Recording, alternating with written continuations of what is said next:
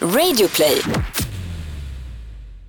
Alltså egentligen så tror jag att jag hade min första ångestattack när jag var typ 10 Det var ett tillfälle när jag minns att jag bara satt så i soffan hemma och bara så skakade och grät och var så himla rädd och hade svårt att andas och liksom så, så att det, det, jag visste ju absolut inte då att det var det men jag kan tänka mig faktiskt att det var, det var min första ångestattack.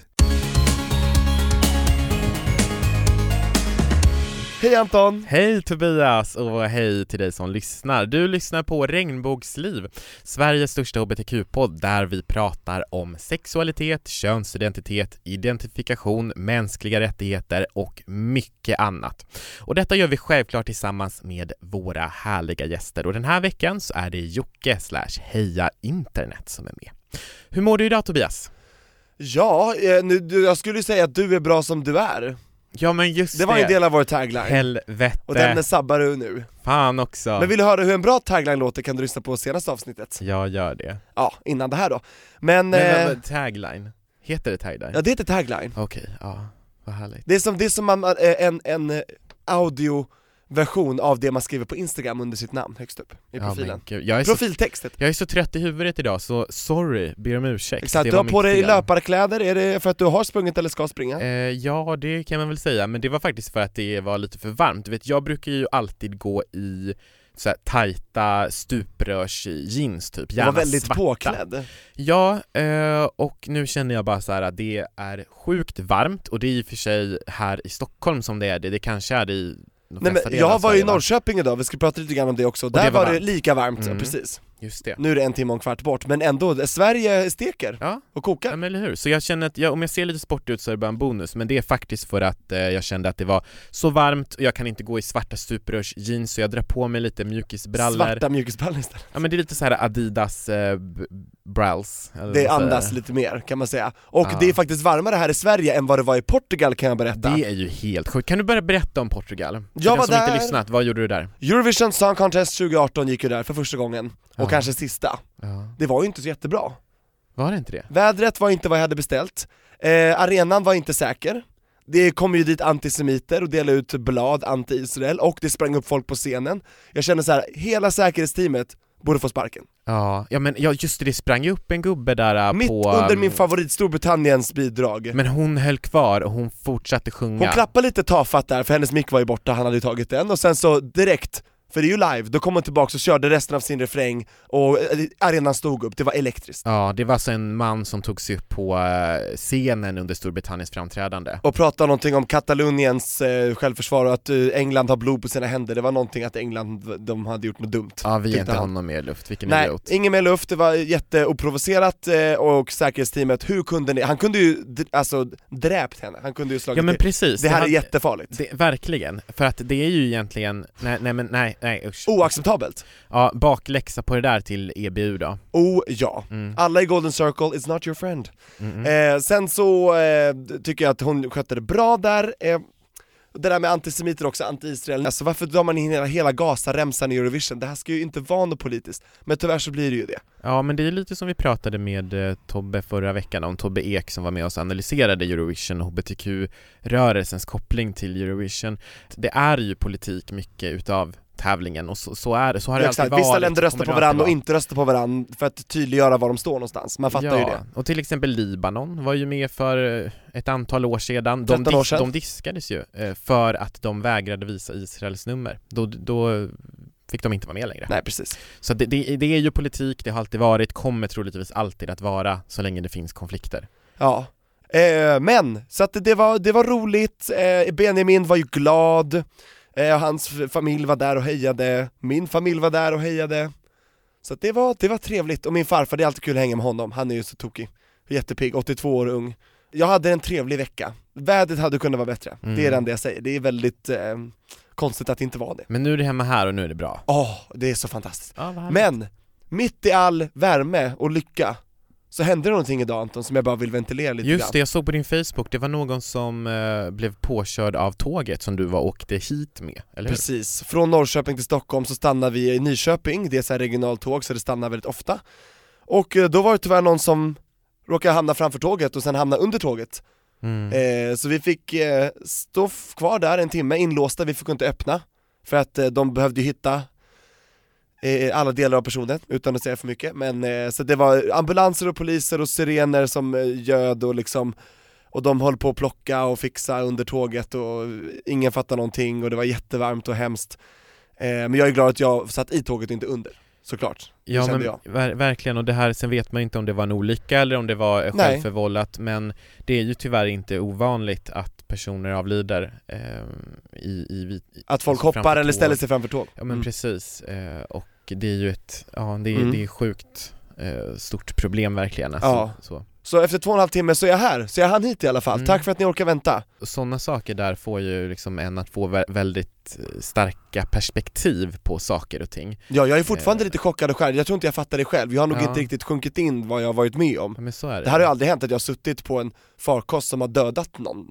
Nej men precis, liksom. Det är ju klart. sjukt. Ja, ja Usch, nej, det är otäckt, overkligt och liksom, ja. Men det, tack så mycket till all polis som var lugn och all personal som satte oss på en buss hit till Stockholm, allting gick eh, därifrån smärtfritt. mm, just det Så att eh, alla var väldigt lugna, det tycker jag var ganska skönt för att det är lätt att drabbas av panik kanske.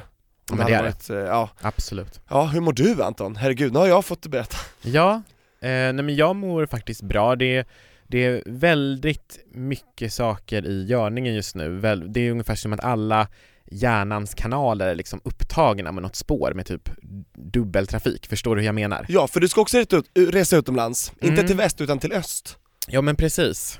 Och du har ju som eh, så fint kanske inför resan färgat håret och bytt frisyr? eller? Ja, det, det har faktiskt med, lite med resan att göra. Jag har färgat mig lite mörkblont, ser kanske lite mer naturligt ut än tidigare. Jag har ju tidigare varit så här väldigt blekblond, nästan vithårig så. Eh, och jag åker ju till eh, Georgien imorgon då, där jag eh, ska leda en delegation om eh, sex personer och vi ska bland annat delta i eh, en demonstration för hbtq-personers rättigheter som arrangeras av en organisation som heter Equality Movement. Och det börjar liksom sjunka in nu för mig så här, hur allvarlig situationen för hbtq-personer i Georgien är. Jag har ju haft koll på det, alltså på teoretiskt så vet jag. Jag vet eh, vilken utsatthet det är, jag har pratat med många aktivister, jag har läst eh, statistik och så vidare. Men nu börjar det liksom sjunka in på riktigt eh, när det börjar närma sig. Eh, vi ska ju till exempel då delta i en demonstration 17 maj och eh, jag sitter just nu och bokar poliseskort till och från Eh, demonstrationen för att det ska hållas eh, flera motdemonstrationer. Och den ortodoxa kyrkan är ju extremt stark. De kommer vara en av aktörerna som håller motdemonstrationer. Det finns också andra väldigt, väldigt starka eh, krafter emot då. Och liksom den här rättigheten att demonstrera som vi ibland i Sverige kan ta för givet tycker jag lite. Att det, det sen är yttrandefriheten och eh, visst, vi har svårigheter för hbtq-personer i Sverige också, men vi har eh, kommit så jäkla långt om man jämför med ett land som till exempel Georgien, där vi för att ens kunna få uttrycka att hbtq-personer ska ha rättigheter, alltså basic human rights, så behöver vi poliseskort för att framföra det budskapet. Det är ganska så sjukt. Ja, verkligen. Men är du inte rädd på något sätt? Ja, eh, jag gick ju in och googlade på, eller kollade på Youtube på eh, hur det var 2013 när det hölls liknande demonstrationer. Det var kanske inte det smartaste för liksom självförtroendet att eh, gå in och googla på det. Det är ju, Som att Eh. kolla på flygkrasch innan man ska flyga? Ja lite så. Alltså det är ju extrema motdemonstrationer. De, det är väldigt aggressiv stämning, det Våldsamt. kastas saker, det, eh, det är ju många gånger fler motdemonstranter än demonstranter. Och polisen är på vems sida? Polisen har ju garanterat, inrikesministern och polismyndigheten har garanterat säkerheten för den här demonstrationen. De ska också vara med och eskortera. Men samtidigt så, så vet vi ju att eh, historien har ju visat att polisen inte alltid står på en sida. Så det, det återstår att se. Modigt måste jag säga av dig att göra det. Mm, men jag tänkte att jag ska ha lite eh, material därifrån. Jag kommer intervjua lite aktivister och eh, rapportera lite på plats. Så jag kommer berätta nästa vecka om hur det gick och hur det var. Ja. Men kommer du stå där själv och skrika med plakat eller kommer du med vara lite runt om vid sidan? Vi ska jobba tillsammans med den här organisationen och hjälpa dem att organisera, hjälpa att göra skyltar, hjälpa att göra budskap och vi kommer ju egentligen stötta den organisationen på det sättet som de vill bli stöttade på. Jag kommer inte gå dit till, åka till Georgien med ett budskap från Sverige, jag kommer ju stötta de lokala aktivisterna på, Ja. det, på det sättet som de behöver. Men du kommer alltså befinna dig rätt i hetluften när det mitt, händer? mitt i smeten, absolut. Oj oj oj, jag hoppas att allt går bra. Ja, Det är lite läskigt. det är det. Eh, men eh, det, så är det. Man måste riskera om man, kan, om man ska vinna, så Mm. är det ju också. Det är ju väldigt lätt att liksom stå för eh, medmänsklighet och jämlikhet när alla håller med. Det är inte lika lätt när när inte gör det. Så. Men det, det ja, jag, Ja, jag- jag återkommer nästa vecka med, eh, med lite update på det. Jättespännande, jag kan inte vänta. Men nu tycker jag att vi ska ta in veckans gäst Tobias, och vem är det? Ja, han har väntat länge nog. Det är Jocke! Heja internet! Hej! Poddtips från Podplay. I podden Något Kaiko garanterar östgötarna Brutti och jag, Davva, dig en stor dos skratt. Där följer jag pladask för köttätandet igen. Man är lite som en jävla vampyr. Man har fått lite blodsmak och då måste man ha mer. Udda spaningar, fängslande anekdoter och en och annan arg rant. Jag måste ha mitt kaffe på morgonen för annars är jag ingen trevlig människa. Då är du ingen trevlig människa, punkt. Något Kaiko, hör du på Podplay. Därför är gardinerna. Hallå hallå! Ska vi kasta in dig direkt tänker Ja, jag? men det tycker jag att vi gör. Ja, Ja. det är jättebra. Välkommen tillbaka. Tack så jättemycket, det känns jättebra att vara tillbaka. Hur Ja. mår du? Ja, just idag så mår jag ganska bra.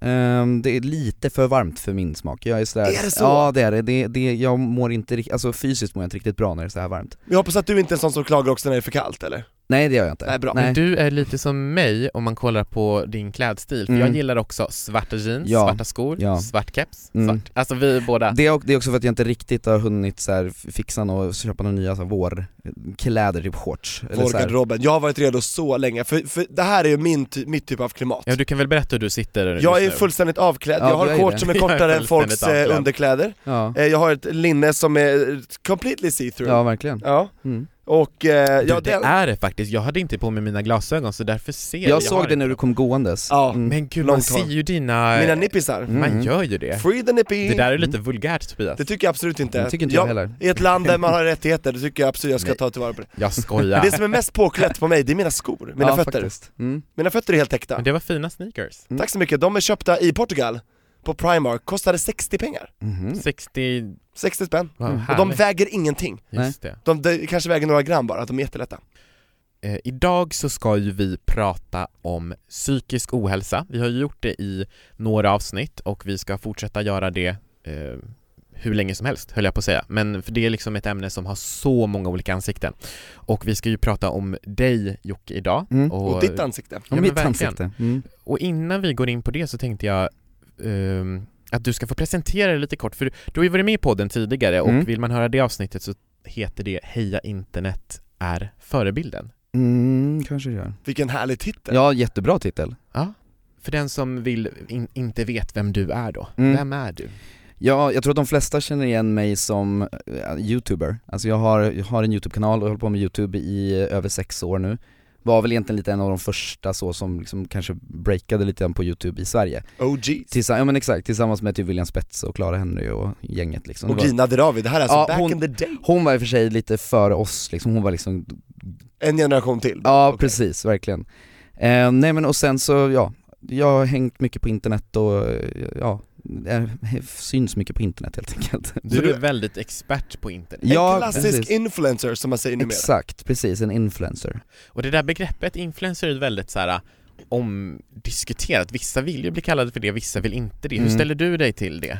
Alltså jag lägger inte så mycket vikt i så här det men jag tycker väl att det, är ett- jag tycker det är ett bra samlingsnamn ändå, influencers. Alltså det, vi har ju suttit, eller det här, det här vet jag har ju diskuterats mycket som helst, vad ska, det- vad ska det kallas liksom? För att nu är det ju kanske inte att man bara är på en plattform, typ bara youtube eller bara instagram, utan det är ju det att man har alla plattformar. Ehm, så jag tycker ändå att det är ett bra samlingsnamn. Just det. Eh, och sen, ja, nej jag, jag har inga problem med att kalla det. Exakt, för vissa, för det. vissa vill bli kallade för vad de gör, och Ja. vissa blir, Ja. alltså antingen är man kreatör, men kreatörer influerar ju också. Alltså exakt, det är antingen exakt. vad man har för effekt eller vad man gör, det, det är lite olika. Jag, jag har läst jättemycket så här negativa typ ledartexter och så här av trötta texter där de typ raljerar över begreppet influencer. Mm. Vilka blir är det? Ja, men det var någon, jag läste någon så här Expressen ledarsida som bara nu har en gymnasium startat en influencerskola och det är ju så här, ska man utbilda sig och ta bilder på Instagram? Man bara Mm. Men det är bara de som Men det är där är, det, och och det där är typiskt människor som inte har koll på vad Ja. det är för någonting Så att det, Verkligen. det handlar bara om deras okunskap Jag tror det stod i den här eh, texten, stod det typ så här. Eh, en influencer, då går man på gratis luncher och tar instagrambilder, man Ja, bara om det nej. bara vore sånt. Alltså det är så här, vi gör ju allt, alltså det är så här, vi sköter våra egna, eller de flesta i alla fall, liksom sköter vi är våra egna kontakt, alltså vi sköter kontaktpersoner, vi förhandlar avtal, vi sprider vårt material, vi producerar vårt material, vi är fotografer, vi är, alltså vi har ju så många roller. Som Mm. vilken annan hårt arbetande egenföretagare som helst. Exakt. Och typ ännu mer, för Ja. jag tänker så här, hade jag haft ett företag och skulle typ anställa en marknadschef eller en PR-ansvarig, då skulle jag lätt försöka hitta någon som själv har varit Ja influencer. ja ja, det skulle då vara det får bästa. man en riktigt mångsidig och grym person. Skit i de som har gått den här eh, någon fin högskoleutbildning. Kollar du på i- mig? Nej nej nej, nej. Jag har diplom också. och, och jag vill inte säga att det är fel med högskoleutbildning, det är Nej, nej. skitbra också. Så. Men, det är väl lite som med alla jobb, att alltså, det, har, du, har du vandrat vägen själv på något sätt, alltså arbetslivserfarenhet ska man ju verkligen inte Se ner på. se ner på, precis. Mm. Ehm, Ja men verkligen. så är det. Och jag tänker att vi ska börja det här samtalet med att backa bandet lite och vi ska ju prata om, om det här med psykisk ohälsa och det är någonting som du har valt att vara väldigt öppen med. Mm. Hur har det varit med din resa att eh, berätta om din psykiska ohälsa? Um, alltså det har varit, jag måste säga så här, det var väl läskigt i början för att jag, det började egentligen med att, eller jag har väl alltid varit så ganska öppen med hur jag mår och så men det var efter att så här, när jag håller på med youtube, när, när jag började, i början när vi höll på, man höll på med youtube så var det ganska, man visade upp en rätt välpolerad sida liksom. det var bara kul hela tiden och man klippte bort alla fel och man, ja det skulle vara roligt att, att följa mm, ens youtube-kanal men sen märkte man att, eller vi märkte allihopa liksom att det blir ju att vi fick ju då också orimliga krav på oss eller så, och det var ju på grund av att vi själva hade liksom, ja, men folk trodde så fort man gjorde ett misstag så fick man så mycket skit. Och sen var det fler och fler youtubers som började öppna sig och börja prata hur de faktiskt mådde och då märkte man ju liksom vilket otroligt eh, gensvar man fick, liksom att det var så många som kände igen sig i det. Och där någonstans så började, det här var väl, vad ska jag säga det, kanske typ tre år sedan, någonting sånt, fyra. Um, Och då insåg jag liksom att det här är, det är så viktigt att jag använder min plattform till att prata om det här för att jag hade ingen, när jag var ung, liksom tonåring och vuxen som, som jag kunde relatera till, som, kunde, som pratade om hur att må så här. Och hur skulle du säga att, eh, hur skulle du beskriva din erfarenhet av psykisk ohälsa? Alltså jag har ju mått, jag brukar säga så här, jag hade en helt, jag hade en helt fantastisk barndom tills jag fyllde 10 För då hände en grej i min familj som gjorde liksom att vi bara rasade samman, typ så. Um, Och sen har väl inte jag alltid kunnat så, så här, haft namn på allting men jag, nu när man ser tillbaka så är det så här, ja men jag har väl lidit av typ så här, depression och slash ångest sen, ja men sen dess egentligen som Ja det var väl kanske typ i och för sig när jag var runt 15 jag var tonåring, då, då liksom kom allting liksom på något sätt, att jag blev väldigt så här, ja men ni vet, förbannad och arg på världen och det var typ, ja men jag mot världen på något sätt och jag började så här, färga håret svart och jag hade svarta naglar och svart smink och svarta kläder och det var bara så här, allt bara så här. Um, nej men sen har det hållit i sig egentligen mer eller mindre i perioder under mitt, liksom under hela mitt liv Men det är inte därför du är svart idag? Nej nej, Det här nej, mörkret är inte nej, på samma det, sätt. nej det är det inte, utan Nej. det är bara det att jag tycker om en- den här färgen eller om det är Ah, okej. ja. Och hur yttrade sig det här mer än liksom i, i eh, att du ändrade ditt utseende när du var runt 15 år? Nej men det var väl att man liksom låg vaken på nätterna och tänkte mycket och men så här. För mig yttrar det sig också mycket i att jag, min största problem är att jag har väldigt stor så här, prestationsångest, att jag alltid känt mig så här, dålig och värdelös och på något sätt att jag alltid måste bevisa för folk att jag inte är det, för det bottnar också lite grann i att jag var mobbad under en period i skolan också att, um, Så då var det mycket sånt och mycket så här, självhat liksom på något sätt Uh, Samtidigt som jag ska försöka bevisa för omvärlden att jag är bra, alltså det, är- det är lite så här.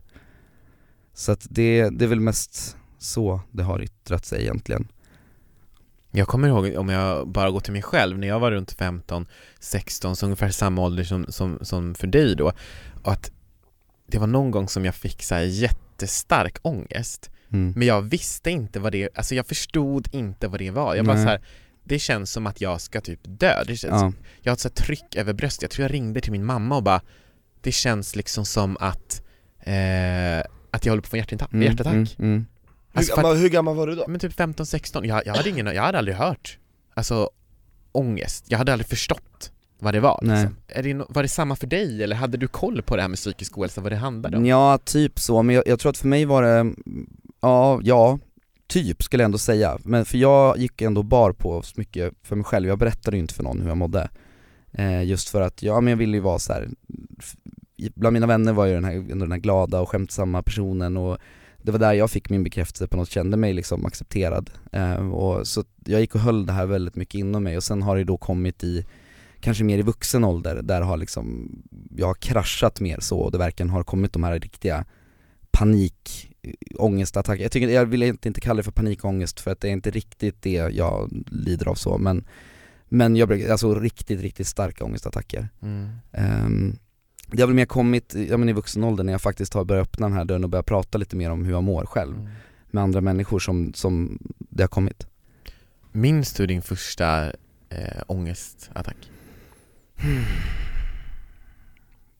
Alltså egentligen så tror jag att jag hade min första ångestattack när jag var typ 10 Ehm, för jag, Det var ett tillfälle när jag minns att jag bara satt i soffan hemma eh, och bara så skakade och grät och var så himla rädd och hade svårt att andas och liksom så, så att det, det, jag visste ju absolut inte då att det var det men jag kan tänka mig faktiskt att det var, jag skulle säga att det var min första ångestattack Mm. Eh, Men sen så, jag minns inte, alltså åren mellan där när jag var tonåring, det är väldigt så här blurrat för mig. Jag kommer faktiskt inte ihåg jättemycket från den perioden. Eh, typ så här högstadie, gymnasium, det är väldigt så här ihop, allt flyter ihop väldigt mycket. Vad läskigt. Ja det är läskigt, men det tror jag är också för att det var där någonstans som allting bara föll. Och när du då i liksom vuxen ålder, eh, hur, hur har det yttrat sig då för dig?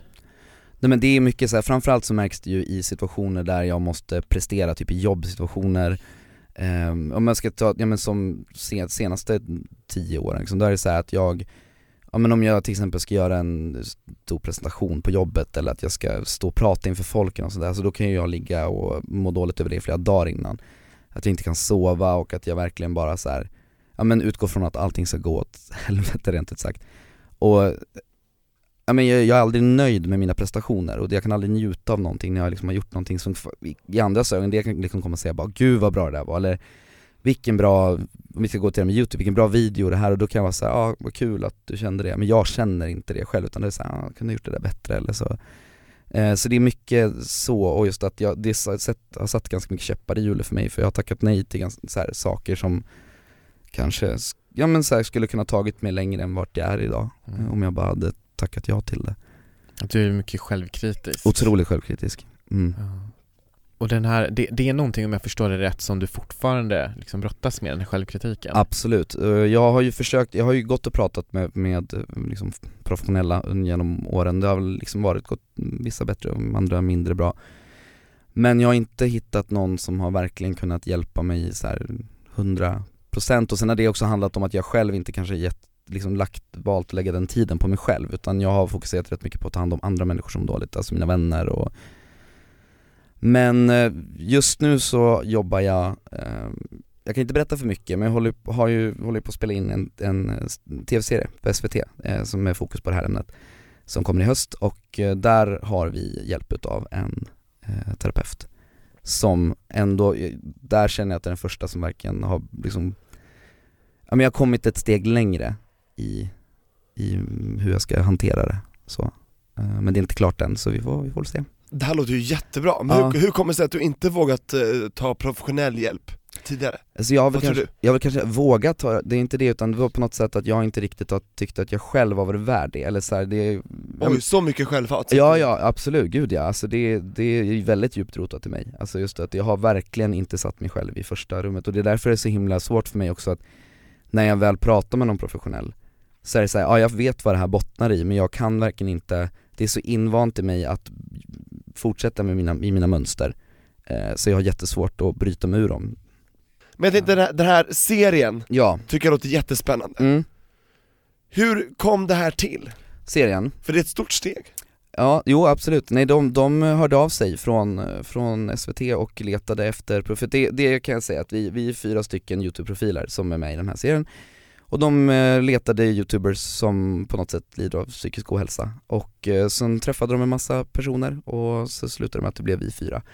Eh, och det går egentligen ut på att vi sitter i gruppsamtal och pratar. Eh, och Så det är mer dokumentärt, ni kommer inte spela någonting? eh? Nej nej det är helt, Nej. det- verkligen reality så, eller vad ska man säga, det är, det är väldigt äkta, väldigt Ja, real reality. real reality. Alltså jag blir glad av två anledningar. Den första är ju liksom att du sätter dig då i, i första rummet, för jag hör det är så vanligt det här att, att man själv att, att höra det från personer som lider av psykisk ohälsa, att man inte riktigt prioriterar sig själv. Mm, mm. Man Så dömer det- ut sig själv, att du tycker att du är ett hopplöst fall, så Mm. att, det tycker jag är så synd. Ja, men det, det kan bara gå till mig själv, jag känner igen det så väl att man liksom så här, perioder i livet har bara åsidosatt mig själv totalt. Det andra är ju att jag vill verkligen liksom så här, precis som alla vi tre i rummet, vi vill ju alla att så här, bryta stigman med psykisk ohälsa. Oh ja. Måste börja prata om det och våga prata om det så. Där tycker jag du har varit så jävla viktig, jag blev så glad när jag såg dina, eh, dina klipp, för jag tycker du berättar, du berättar så naket och öppet och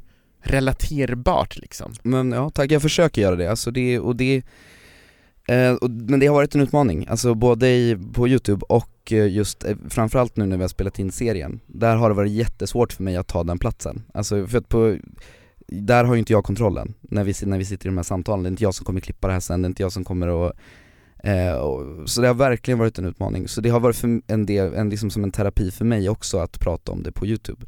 Och jag märker att det hjälper många, liksom, eller att det, det är många som, som har, har hör av sig till mig och säger att de tycker att ja, men det är så skönt att det finns någon som kan som pratar om det och just att jag är lite äldre och så, så att, Ja, du är mycket mer trovärdig Ja. än många andra och det känns tryggt på något sätt, du vet vad du pratar om. Ja men precis, och jag kanske kan se på det på lite mera så här, jag vet inte Distans. Ja lite med distans ändå, och för att man har, varit, man har hängt med ett tag Ja, du har ju levt. Jag har levt Men, jag, men jag tänker på när du säger nu att, eh, att personer skriver till dig att vad viktigt att du tog upp det här, det har betytt mycket för mig och så vidare. mm. Kan du ta åt dig av det? Delvis, alltså jag blir ju glad, absolut. Men ja, jo men det gör, jo men det ska jag säga att det gör jag ändå, för det, det är typ därför jag fortsätter att göra det. Och som med den här serien också, att det, det jag tycker känns bäst av allt, alltså är ju att det kommer ju sändas på vanlig TV också och det tycker jag känns jättebra för att då kommer det vara folk som inte, alltså folk som är äldre, som inte har kunnat prata om hur de har mått och de kanske kan relatera, så jag menar jag tänker folk som är typ 50 plus. Som ni kanske inte når ut till annars. Nej, nej som jag absolut inte når ut till annars lika mycket, eller i stor samma utsträckning för Mm. de hänger inte på sociala medier. Mm. Eh, så det tycker jag känns jättebra. Eh, så jag, jag, jag tror och hoppas att den kommer få genomslag. Ja men verkligen, och det, Mm. jag tror det är så viktigt det du säger nu för att när jag pratar med mina små kusiner som jag brukar säga, eh, eller mina, mina kusinbarn som är runt 10 år, Mm. eh, så, så de har ju liksom, flesta har ju koll på så här, men ja en panikångestattack är det här? Och man kan ha ångest, det är inte farligt, det är det här? Och Mm, mm, liksom för att de har hört liksom personer som dig, Therese Lindgren mm, mm. och, och så vidare liksom prata väldigt öppet om det här. Och det är ju saker som, som nu är inte jag jättemycket äldre liksom, alltså det är ju inte, det är inte fler generationer emellan liksom. Men, men när jag, en liten... ja men när jag själv liksom haft perioder där, där jag har mått dåligt som tonåring och inte liksom förstått att det, att typ så vanligt Mm. Ja. Det är jättevanligt. Och, jag menar, och, och det märker man ju framförallt då, eller det märkte man ju fram, framförallt då när man började prata om det mer öppet på youtube För då var det ju verkligen så här ett störtflod av typ mail och kommentarer och privata meddelanden om bara, ja, så här. Men det är vanligare att prata om det idag och det tycker jag är bra, det är, det är väl det jag försöker göra med allting jag gör eh, Så försöker jag alltid tänka liksom att jag vill vara den där vuxna personen som jag kände att jag aldrig hade när jag var tonåring och ung vuxen. Mm. Eh, Det liksom vill jag ska genomsyra allt jag gör och liksom jag, det är det som är min så här, jag vet inte vad man kallar det men Motor. Ja men lite min motor precis, och därför känns det bra när jag får de här mejlen och från folk, det känns som att okej, det, är ju- det, det här är varför jag håller på. Så För att för mig har, det, det är så här, det har jag sagt sedan jag var liten och mina föräldrar har sagt, jag har alltid sagt att jag vill göra skillnad i världen.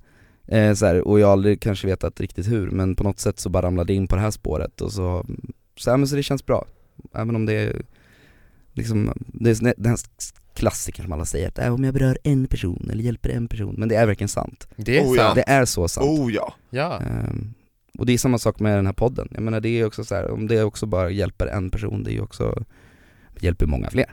Mm. Det, det hoppas jag, och vi får ju också Mm. jättefina meddelanden, fortsätt höra av dig du som lyssnar, även om du tänker att eh, de får väl jättemånga av sånt här, men all, alla ord är värda, och vi läser allting som kommer in, och vi är tacksamma för allt.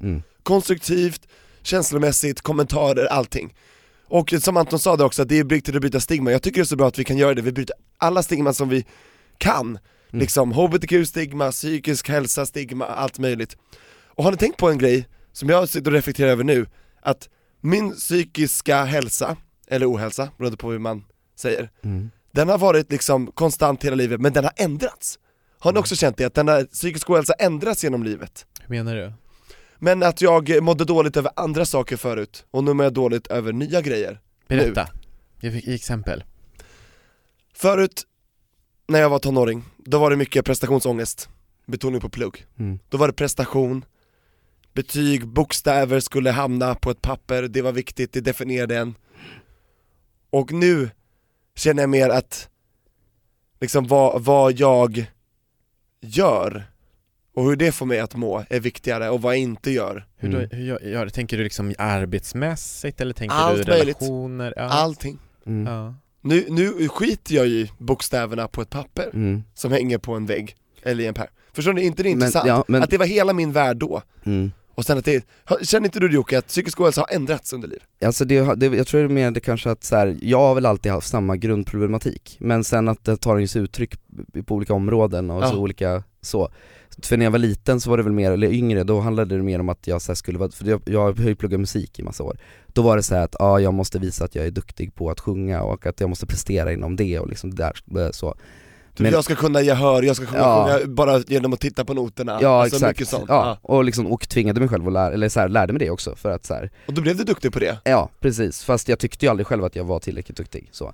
Men sen nu har det ju blivit mer att det handlar väl kanske mer om hur jag är som person, hur jag uppfattas, alltså liksom men att jag vill vara en bra människa, så att det, det är inte lika yt, eller så här, vad ska man säga, inte ytligt är fel ord, men ni kanske förstår vad Inte lika konkret? Nej För exakt, det är det jag försökte precis. mena också, ja. det, är inte, det är inte bokstäver på ett papper längre, Nej. utan nu är det liksom vad saker och ting får en att känna. Ja, precis. Det det. Men handlar det fortfarande om prestation för dig då Tobias? Alltså Nej. typ, nej det är inte det Jag tycker att jag har släppt det mer. Ja, Ja, vad skönt. men Mm. det, det bäddar ju för annan ångest. Ja, ja nej, men och, så, Ja. så kan det väl säkert vara, men så här, tror du att det i grund och botten, alltså grundar sig i samma sak? Om du tänker Ja, att bekräftelse. Ja, precis. För jag gjorde väl, mina betyg var väl mer för andra och för mina föräldrar att Ja. visa.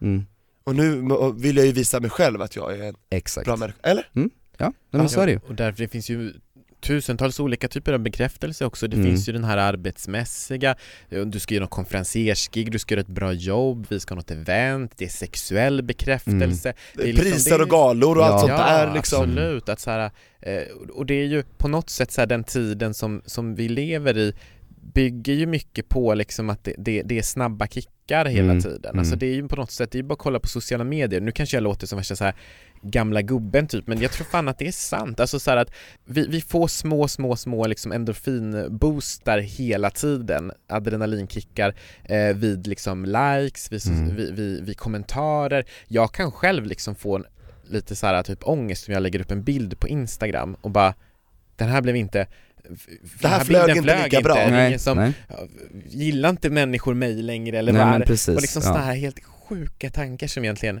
vad fan spelar det för roll om Mm. det är 50 likes mindre på den här bilden egentligen? Ja, Eller hur? Det, ja. det är för lätt att bli mätt ja men precis, och, jag- och, jag, på sociala medier. Ja ja, och jag menar det, och det öppnar ju verkligen för fler, alltså fler eh, arenor att bli bedömd på något sätt. Och, så, och just att det blir så mätbart när du säger det här med Ja. likes och, jag menar, och det där kan jag verkligen känna igen mig i. Ja. Nu har ju jag verkligen släppt allt där med vad, hur mycket, många visningar man får, många likes och sånt där, men det var ju det som styrde hur bra eller dålig jag var på youtube, eller så här, Och det är många som tyvärr tänker så fortfarande av de lite nyare. ja ja, det är jättevanligt. Eh, och så det, det, åh, så jobbigt. det är, det är verkligen det vanligaste, och så här, det är väl kanske inte det man vill höra när man börjar med, ska börja med någon sån här sociala medier och sånt, eller vill Mm. typ satsa på det att så här, bry dig inte om visningarna, bry dig inte om så här, man, man, man, Det är det enda de tänker på. Ja det är det enda man tänker på, Mm. det är ju det, för det är det som mäter hur bra man är liksom Som så. skiljer dem från de som inte är andra, som inte är lika influencers. Nej men Så, exakt, ja, precis. Det, uff, vad jobbigt. Vad skönt att vi har kommit ut på andra sidan lite Ja, grann. verkligen. Ja, men jag känner inte, jag, jag, jag du har inte gjort det? Jo, alltså lite men sam, samtidigt bara så här går jag till podden så det gick ju, vi hade ju jätte, jättemycket lyssningar, några avsnitt och då blev jag så här: hur ska vi upprätthålla det här, hur ska vi Mm. fortsätta vara Mm. relevanta, Mm. fortsätta vara intressanta och så vidare. Mm. Och sen gick det ner en vecka och så fick vi mindre som lyssnade och det är fortfarande många, det är tusentals människor. Mm. Eh, men jag blev ändå så här: nej vad har jag gjort för fel nu? Exakt, och nu ja. är det jag som Ja. har gjort någonting och jag var ointressant, jag var det. Så jag försöker verkligen att släppa det och inte tänka på det. Mm. Men samtidigt så har jag liksom någon form utav den här prestationskraven så här, Mm. stressen som hela tiden ligger och, och även när det går sjukt bra så blir jag liksom stressad för då är jag så här, hur ska jag upprätthålla det här? Exakt. Hur ska, jag får inte backa, inte, eh, och liksom sådana grejer. Ja men det är, och det är väl det här jag menar just, det, det låter ju precis så som jag funkar, att man kan aldrig, man njuter aldrig av någon framgång, det, man når aldrig det där målet på något sätt, eller det där ouppnåeliga målet, Mm. och då, Ja. då kan man ju aldrig riktigt bli lycklig heller Nej, men verkligen, jag sa ju det här till dig Tobias, kommer du ihåg det? Jag bara, vi måste gå ut och bowla du och jag för typ fira, kommer du inte ihåg att jag sa det? Ja det kommer jag ihåg. Det var typ jag- julas Ja, jag vi har fortfarande gå inte och bowlat. bowla och fira att det har gått bra mm. Det har vi fortfarande inte gjort, men jag tycker man ska fira och gå bra, det kan man bestämma själv vad det är. ja. Mm. Och jag känner mig så lycklig att jag vet om hur det är att liksom bygga upp någonting och sen tappa det Mm. lite Tänker du grann. på när du var med i- Paradise Hotel? Jag, tänk, alltså jag, jag liksom blev ju lite så här äh, känd över en natt, Mm. och fick så här tusentals följare hela tiden, alltså Mm. varje dag och Ja. ökade så här till typ 17 och ett halvt Mm. från typ 500 Mm. hade jag, Mm. till 17 000 hur fort som helst på ett, två månader. Ja, Och sen liksom stagnerade jag ständigt sen dess, sen när jag slutade vara i rutan bara ner, ner, ner, ner, kommer ner till 11 mm. Och sen nu har jag liksom börjat komma upp så nu är jag uppe på 14 liksom. Mm. Så jag, och det, det är så här, folk, nu säger inte jag att, och det här låter så töntigt, men kan du tänka dig så här, folk som har varit väldigt stora och duktiga, Mm. och sen blir en så här föredetting, Mm. alltså det är ju bland det jobbigaste Mm. psykiskt Mm. Mm. att ta till sig, men om man kommer ut på andra sidan, som jag tycker att jag har gjort, eh, med mina mått mätt, så då, då har jag, ända sedan dess, så jag slutar bry mig om hur många gillningar jag får, för jag vet, jag har varit där uppe och jag har varit där nere, Mm. och nu är jag någonstans mittemellan och jag trivs så bra. Mm. Så den erfarenheten har inte alla varit med om, men jag är glad att jag har varit med om det, Mm. för jag vet hur det känns att bygga upp och tappa. Fattar Ja. ni vad jag menar? Ja, jag, jag tror att det handlar om identitet. För det här Mm. som du beskriver, det är ju samma sak eh, som idrottare beskriver när det efter en idrottskarriär, du står där med startskottet eh, och går och du springer ditt sista lopp. Dagen efter, vem är jag? Då är man en det- föredetting. Precis, och, och mm, jag har liksom eh, sett en dokumentär om dansare som beskriver, för dansare går ju liksom i pension när de ja. är väldigt För unga. de går sönder innan Ja. 40. Ja, Ja. Eh, och då är det så här, vem är jag? Dansen har varit mitt liv sedan jag var typ Ja. tre år gammal. Mm. Ja. Mm. Vem är jag nu? Och det, det blir ju det blir liksom en liten variant av en sån grej. Mm. Eller hur? Alltså det är Det här. jättestor tröskel säkert för dem, alltså, ja men det där hela identiteten, det är farligt när man bygger upp för mycket på så lite. Ja men så är det. Ja, Mm. så att det där, de som har kommit över det, en applåd. Mm. En stor eloge för att det där, det är tungt alltså. Mm. Ja, verkligen. Och det är en typ av psykisk ohälsa. Mm. Som du sa, det finns många ansikten. Men det bidrar ju till det, absolut. Oh ja. Mm. Så, men, men jag tänker, vad har du för tips Jocke för att, eh, för den som lyssnar, för att man ska våga liksom bryta det här stigmat kring psykisk ohälsa och våga prata om det med sina nära och kära till Mm. exempel? Alltså det är ju, det är faktiskt, kan det vara ett jättesvårt steg att ta. Eh, Det är egentligen bara, man måste ta steget. Alltså det, det finns inget annat egentligen utan eh, försöka hitta någon person runt omkring dig som är, jag menar beroende på vilken ålder du är, är du ung så tycker jag väl att du kanske ska vända dig till någon som, någon lite äldre som du, som du eh, litar på. Men annars bara så här. Jag tror att det känns värre för en själv, alltså än att det är inte så farligt om man Ja. bara pratar om det. Och det blir inte lättare ju mer du väntar, snarare Nej, tvärtom. precis, exakt. Mm. Eh, och jag menar, jag brukar även säga som tips till folk som, alltså som kanske själva inte mår dåligt, men som har folk runt omkring sig, att jag tror att många är rädda för att eh, om någon kommer till dem och säger att ah, men jag är deprimerad, eller jag tror att jag är deprimerad, eller jag mår dåligt, jag har ångest, att de ska liksom ha en massa lösningar och ha en massa bra svar. Men det är inte det det handlar om, utan det, man vill bara bli hörd och sedd, att liksom säga, ah, jag hör dig, jag ser att du mår dåligt, och så här, bara, att bara finnas där. För att jag tror att det är första steget är att bara våga prata om det. Jag håller med så hårt, alltså Det- man, vi ja. är ju inga doktorer eller liksom professionella utan lyssna bara, Ja, precis. lyssna. Eh, och jag önskar att det fanns något så här enkelt så här. men annars bara försök att, försök att våga ta steget och berätta för någon i alla fall hur du mår. Och sen tycker jag alltid beroende på, men det är alltid bra kanske att söka professionell hjälp. Och där kan det vara så att eh, du kommer säkert inte hitta rätt från början. Jag menar just som jag sa tidigare, jag har hattat runt med massa olika som aldrig riktigt har funkat. Och jag har inte klickat med dem riktigt. Och de har inte Jag tycker inte att de har fattat mig riktigt förrän den här personen som jag får träffa nu i och med serien. Mm. Vad bra. Väldigt verkligen. skönt. Så glad för dig Så, alltså. tack. Ja, Det, det, är aldrig var, för sent. Nej precis, det var på tiden så jag kände Ja. liksom Inte för att du är gammal, men alltså du vet. Ja men fast ändå, jag, det är som jag, det, jag, en sak som jag sa i serien, det var till, till ett tillfälle när jag bara så här. jag har inte tid att vänta längre, alltså jag har gått så länge, det är dags nu liksom, det var, fan, så, här, så liksom, det är så Mm. jag känner nu. Mm. Att jag har inte tid att slösa bort mer tid, eller jag slösar bort så mycket tid Det är på så bra att du inte har gett upp, Ja, jag tycker och det är det- ja. fantastiskt Och det vackert. som du säger nu Jocke, är ju ett sjukt jävla bra råd till Mm. personer som själva lider av psykisk ohälsa. Vänta inte, det finns hjälp att få. Ja. Och så här, du behöver inte må så dåligt som du gör. Nej. Ta, ta hjälp och dessutom om du pratar med, med någon eh, eller, eller vå- våga liksom vara så öppen som du känner att du kan Mm. i, i vissa situationer kan det också hjälpa andra. Jag kommer ihåg själv när jag mådde dåligt en period och berättade det för några av mina vänner då var det ju flera av dem som öppnade sig Ja. för mig om hur de mådde för då Mm. kände de att jag hade skapat en öppenhet i Precis. frågan och brutit det stigmat.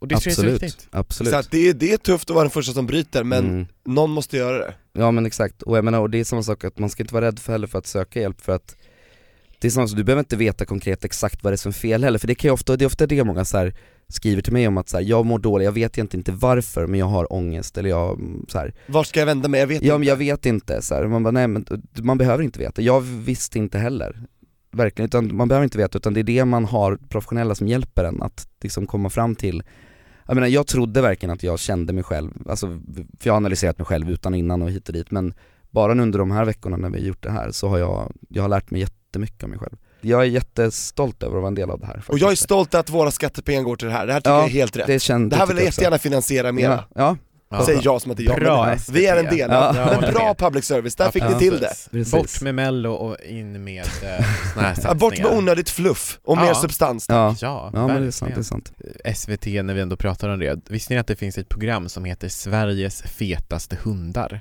Som SVT Nej, har gör det? producerat. Det känns ju otroligt värdelöst. Man bara låt det här finansieras av så här reklamkanaler. Exakt, vem hjälper det här? Ingen, framförallt inte hundarna. Nej Nej. Och eh, det här kommer alltså i höst att sändas hoppas vi eller? I höst kommer det ja. Ja. Jag vet inte exakt, eller jag vet typ men jag tror inte jag får säga det. Men det, det kommer i höst i alla Det fall. kommer i Ja. höst och Mm. du ska vara med och vi kommer sitta bänkade. Ja, och vi har fortsätt följa Regnbågsliv, för så fort du, Ja. du meddelar någonting så kommer vi meddela det här Ja, också. men självklart. Så att håll, dig- håll dig till godo. Mm. Och vad händer i sommar? För mig? Ja, Eh, jag ska faktiskt ta eh, jag, min längsta semester någonsin. Eh, hur lång då? Eh, fem veckor. Jag har aldrig haft längre i, alltså semester i rad än tre veckor. Så nu ska jag fyra och sen ska jag faktiskt in och jobba en vecka, sen ska jag ta en till vecka. Och jag ska typ bara inte planera någonting. För att det i mitt liv har varit väldigt så här, liksom planerat och det har varit mycket och det har hänt så fruktansvärt mycket det här året. Så jag behöver bara så här andas. Så att jag ska bara leva life tänkte jag. Vad kul, och välkomna det Fan, som vad kommer, skönt. det Ja. låter spännande. Ja, verkligen. Det där ska jag också göra känner jag. Mm. Vad roligt. Ja. Vilken röst tycker du vi borde ha med här i Regnbågsliv? Kanske på det här temat eller? Eh, Jag tycker faktiskt, alltså en, en väldigt ung röst, men som faktiskt är en väldigt klok röst och som har liksom, ja, uttryckt en del. Det är Daniel H, Daniel Holmström. Oh. Ja. Ja, Som jag vet- Poddkompis, han har ja, varit med här. Han har varit med förut, precis. Det är en som jag skulle önska höra prata mer om det här. Ni Pratar ni med varandra om det, kan jag tänka mig? Ja, oh ja. Alltså det Daniel och jag har ju blivit, det är vi som syskon. Det är, Mm. jag är, han är min lillebror och jag är hans storebror. Ja, jag menar, vi har ju hängt ihop sen, jag menar, han- vi är youtube-kompisar liksom. Så att han, jag har ju sett honom växa upp, alltså han var ju 14 när vi lärde känna varandra, nu fyller han ju 18 här om ett par månader vilket är helt sjukt. Oj, Det är liksom, Shit. under Europride fyller han 18 alltså kan Wow. ni förstå. ska han in där och härja? Du, då ska han in och härja, precis. Då är storebror tätt bakom. Ja, det jag. eller fast jag har ju fått lov att lära mig lite grann där, att bara backa lite också för att jag, Vi får jag lita på Daniel. Ja, ja, ja, Ja, kom ihåg när du var 18 Tobias? ja det, är just, det, är just, det är just det som skrämmer mig. Hjälp.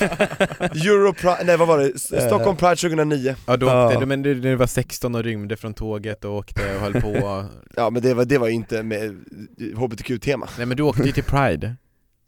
Du, dina, Ja just du, det. du, du lurade dina föräldrar att du jag skulle på åka kristet sommarläger så åkte jag till Stockholm Pride. Det är ja, typ samma sak. och dina faktiskt. föräldrar åkte hem Det ligger så lika mycket på eh, båda. De var i Italien va? Oh. Men visst var dina föräldrar i De Italien? åkte hem från Italien i förtid, det är extremt löjligt. Och det, Ja, ja. ah, De var oroliga Mm. ja det Ja. behöver man inte vara. Tobias Torvik sköter sig alltid. Ja, absolut. Eh, så är det. Men eh, tack så mycket Jocke, Ja, för att du kom hit igen. För att jag fick komma tillbaka självklart och vi hoppas att du vill komma tillbaka igen. Det vill jag jättegärna Vad härligt. Ja. Och du som lyssnar, fortsätt skicka in dina frågor, kommentarer och tankar till oss. Det gör du på Regnbågsliv, heter vi, både Instagram och Facebook. Vi läser allting. Och eh, har du en fråga så kan vi kanske ta upp den i podden, det vore kul. Ja, eh, vi har fått förfrågningar om fler frågeavsnitt.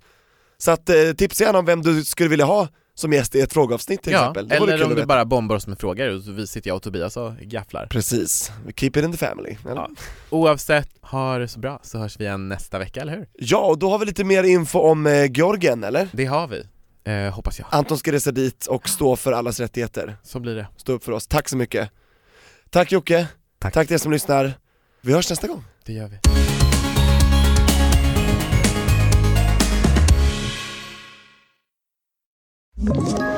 Ett poddtips från Podplay.